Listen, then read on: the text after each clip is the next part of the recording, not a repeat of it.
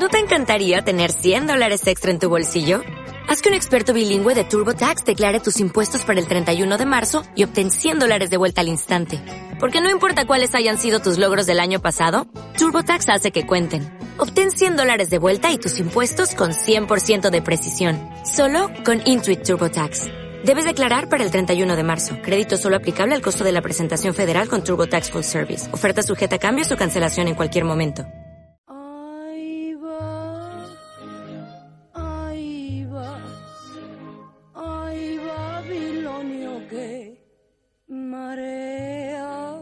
Las fantasías eróticas de la semana. De Rusea Mills Bibiloni. Ahí vámonos a donde sea. Ahí va, ahí va, ahí vámonos allá.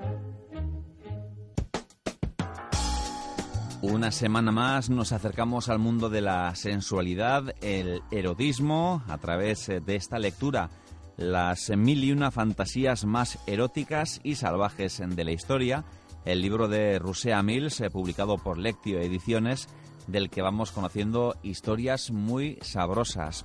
Rusé, buenas noches. Hola, muy buenas noches, John. Y hoy con eh, una nueva entrega de Mujeres de Armas Tomar, y es que hay muchas protagonistas con mucho que contar en este libro. Sí, como muchas veces me preguntan, bueno, ¿que hay más hombres o más mujeres? Pues yo creo que mujeres hay menos, pero las que hay son impresionantemente espabiladas. Y, y va bien pues dedicarles así un pequeño monográfico que ya vamos por la segunda parte a, a las mujeres que, que un poco salieron de lo, de lo convencional. Y empezamos con una que tuvo una vida de película, y de hecho hay película también. Eso es. Isaac Dinesen es la autora de Memorias de África, que es una historia autobiográfica. Ella eh, eh, se vio impelida a escribir porque tenía una vida de, de matrimonio desastrosa. Su marido le ponía los cuernos con todo lo que se movía, le contagió la sífilis, la, la maltrató psicológicamente, la dejó muy sola y bueno, ella no había tenido una juventud demasiado positiva. Y ah, a medida que fueron pasando los años y se fue haciendo mayor y se fue afianzando, pues como gran escritora de éxito y demás, se fue volviendo cada vez más ah, despreocupada del que dirán y hacía realmente lo que le daba la gana. Entonces, ah, rozando los 90 años, en una ocasión, una escritora, una novelista sureña que era una admiradora devota de, de Isaac Dinesen, se empeñó en invitarla a comer, promover una cita con Marilyn Monroe, porque Isaac Dinesen había expresado su interés por conocer a Marilyn Monroe, entonces organizaron una comida. En esa comida estaban Arthur Miller, el marido de Marilyn en aquel momento, Marilyn, por supuesto, Carson McCullers y Isaac Dinesen. Y la, la comida pues fue como muy animada, eh, pidió que el menú fueran macarrones y a Marilyn eso le encantó porque también le gustaba mucho. Las dos bebieron, las dos se rieron y terminaron retándose a bailar sobre la mesa. Entonces, imagínate la escena, Marilyn, una despamparante Marilyn, subida encima de la mesa, bailando con una novelista de casi 90 años, también pues bailando como podía y sobre todo divirtiéndose mucho. Era una mesa de mármol y fascinaron a, a- a la novelista que les había invitado, a la anfitriona y al marido de Marilyn. Ajá. Y después de, de esta escena, la única declaración que hizo Isaac Dinesen es que Marilyn le había recordado a un cachorrito de león que le habían regalado en África los criados nativos que ya tenían en aquella época. Vio una mujer salvaje y eh, obviamente muy sexy. Entonces, es curioso también recordar que estas dos mujeres, tanto Isaac Dinesen, la escritora, como Marilyn, murieron el mismo verano de 1962 con una diferencia de edad y, de motivos, porque Dinesen murió de muerte natural y Marilyn, como sabemos, se suicidó. Y en ese paralelismo con un león también podemos imaginarnos eh, ese león capturado, encerrado, triste y, y algo de eso también tenía, ¿no? Marilyn Monroe. Claro, claro, es que Marilyn todo lo que tenía de fascinante y de sensual también lo tenía de, de fragilidad y de, y de que estaba pues encerrada en una jaula de oro, que era la jaula de su fama y no lograba encontrar esa felicidad que anhelaba. Entonces, claro, una escritora en eso ve muchísimo más que los demás mortales y Satinesen yo creo que de algún modo se sintió quizás un poquito identificada y sobre todo solidaria con Marilyn. En nuestra siguiente protagonista, no sé si llevaba esto de la alegría sexual en los genes. Claro, bueno, lo que llevaba era una extravagancia maravillosa. Es, hablamos de Dolly Wilde. Dolly Wilde es la sobrina de Oscar Wilde y era una muchacha andrógina que tenía un extraordinario parecido con su tío, eh, hasta el punto de que hay fotos en las que ella va vestida de hombre y se parece un montón a, Oscar Wilde. De Oscar Wilde, además, un poco lo que, lo que heredó fue una habilidad innata para sorprender y crear expectación en los círculos sociales, en los eventos sociales, porque tenía una imaginación portentosa y también el don de la palabra, sabía decir las cosas bien dichas. Pero un poco indagando en la historia de esta muchacha, nació justo tres meses después de que se juzgara a su célebre tío y ya desde bastante niña, desde la primera adolescencia, se declaró lesbiana y era muy, muy activa, eh, apenas con 20 añitos y había seducido a todas las mujeres que estaban a, su disposición, a su alcance. Y eh, contó con mucho desparpajo, como hacía su tío, y también con cierta inocencia, sin pensar en lo que los otros pueden pensar, que a ella de niña le citaba comer terrones de azúcar empapados en el perfume de su madre. Entonces, en este, mm, digamos, en esta imaginación calenturienta, vemos también una mujer pues con mucha fuerza, porque atreverse a decir esto hoy en día ya es difícil, pero decirlo en aquella época es que te, podía pasar como le pasó a su tío, que te metan en la cárcel.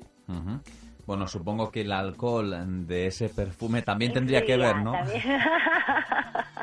claro, claro que sí.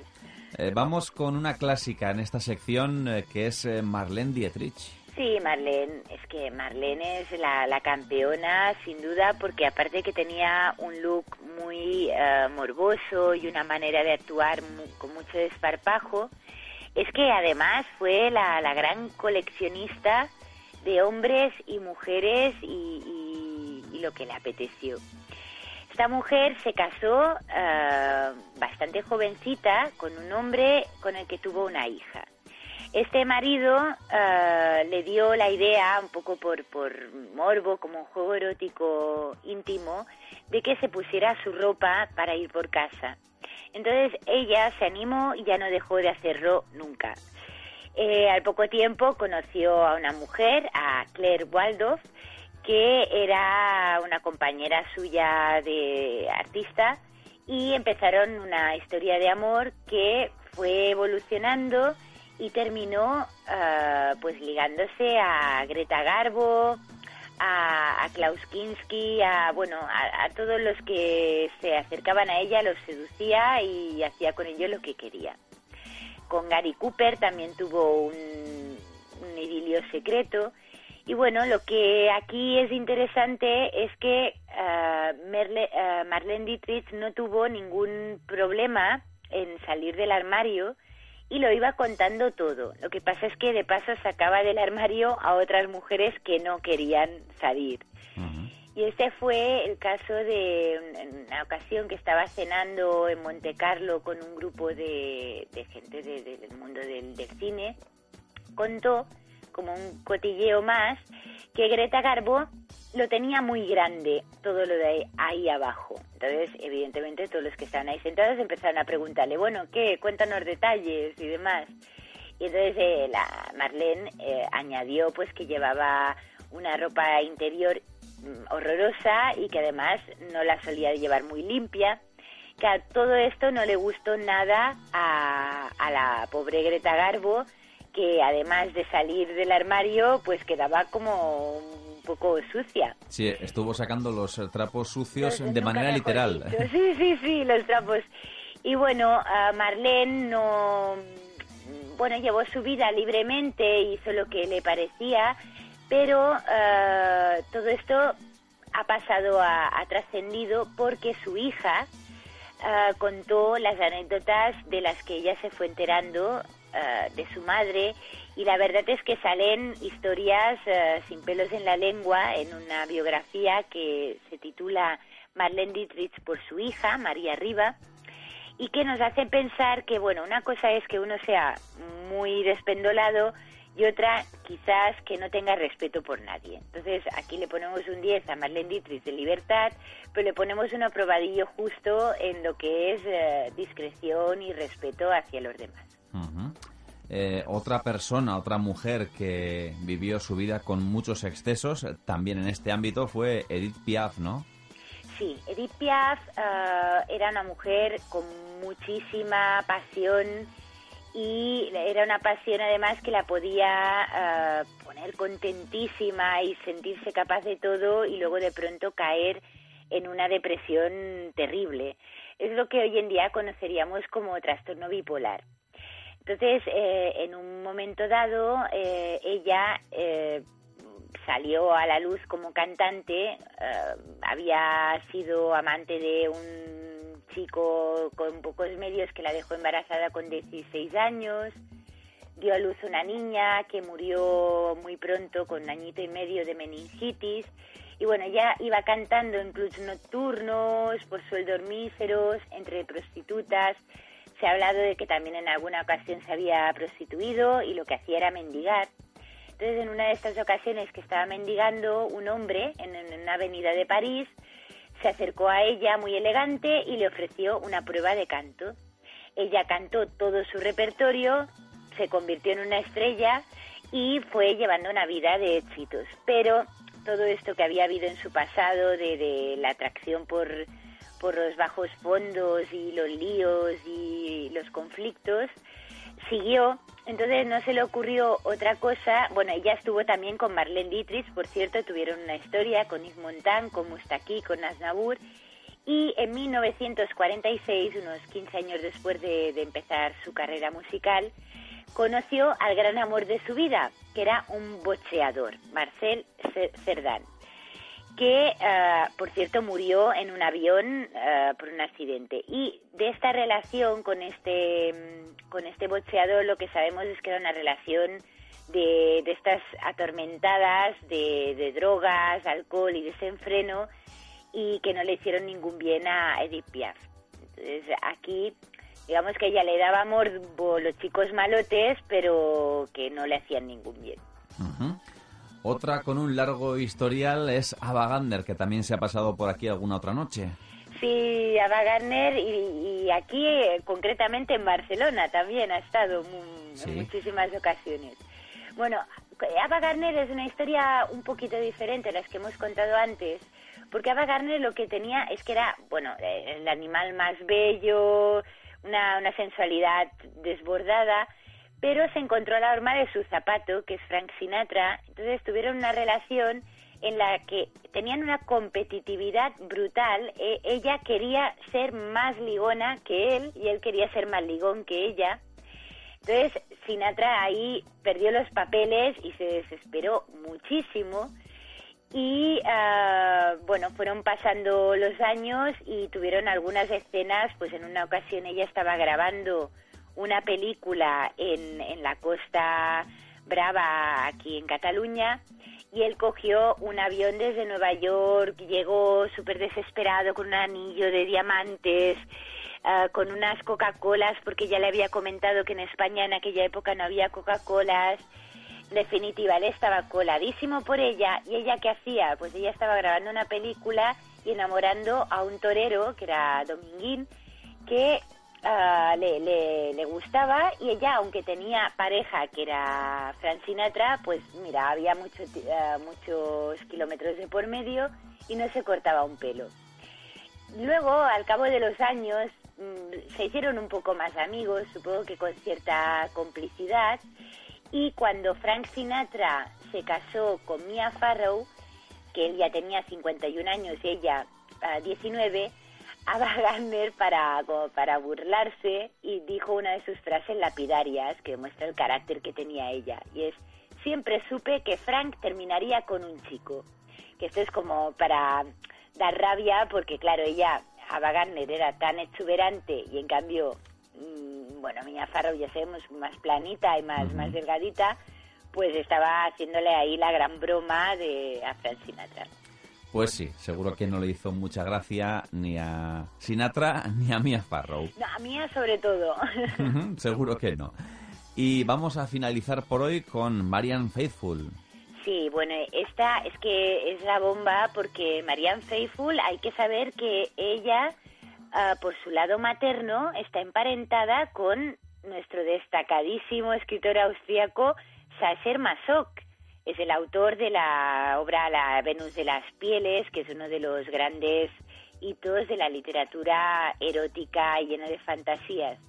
Y entonces, eh, y además es eh, un poco como el, texto que instaura el, concepto de masoquismo. Entonces, a Marianne Faithful algo le corría por las venas, que, que no podía estarse quieta, y con ese título nobiliario de la familia Sacher-Masoch a cuestas, pues ella eh, siendo baronesa, consideraba que lo más divertido era aprovechar cada momento de su vida para practicar el deporte favorito que era ser la bomba sexual de los 60.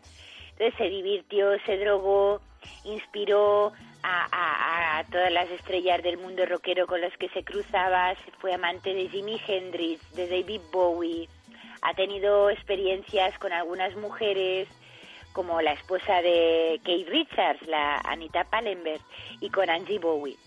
Entonces, todo esto junto ah, viene de, que fue una chica pues casi como muy despierta para su época y que no se cortaba a la hora de participar en fiestas, en intercambios, en orgías, en lo que fuera. Y cuando en alguna ocasión se le ha preguntado sobre todo esto, pues ella simplemente se ríe y viene a decir, sois vosotros los que estáis atrasados, el sexo es divertido y hay que pasárselo bien.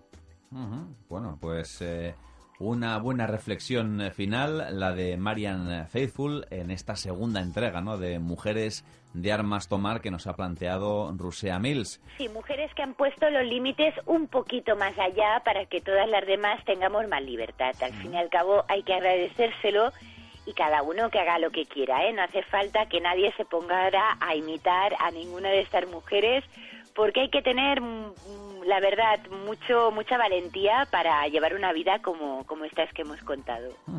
Pues nada, ahí quedan esas eh, historias y más eh, que nos traerá Rusea Mills. Rusé, gracias y hasta la semana que viene. Muchas gracias, felices fantasías y hasta la semana que viene.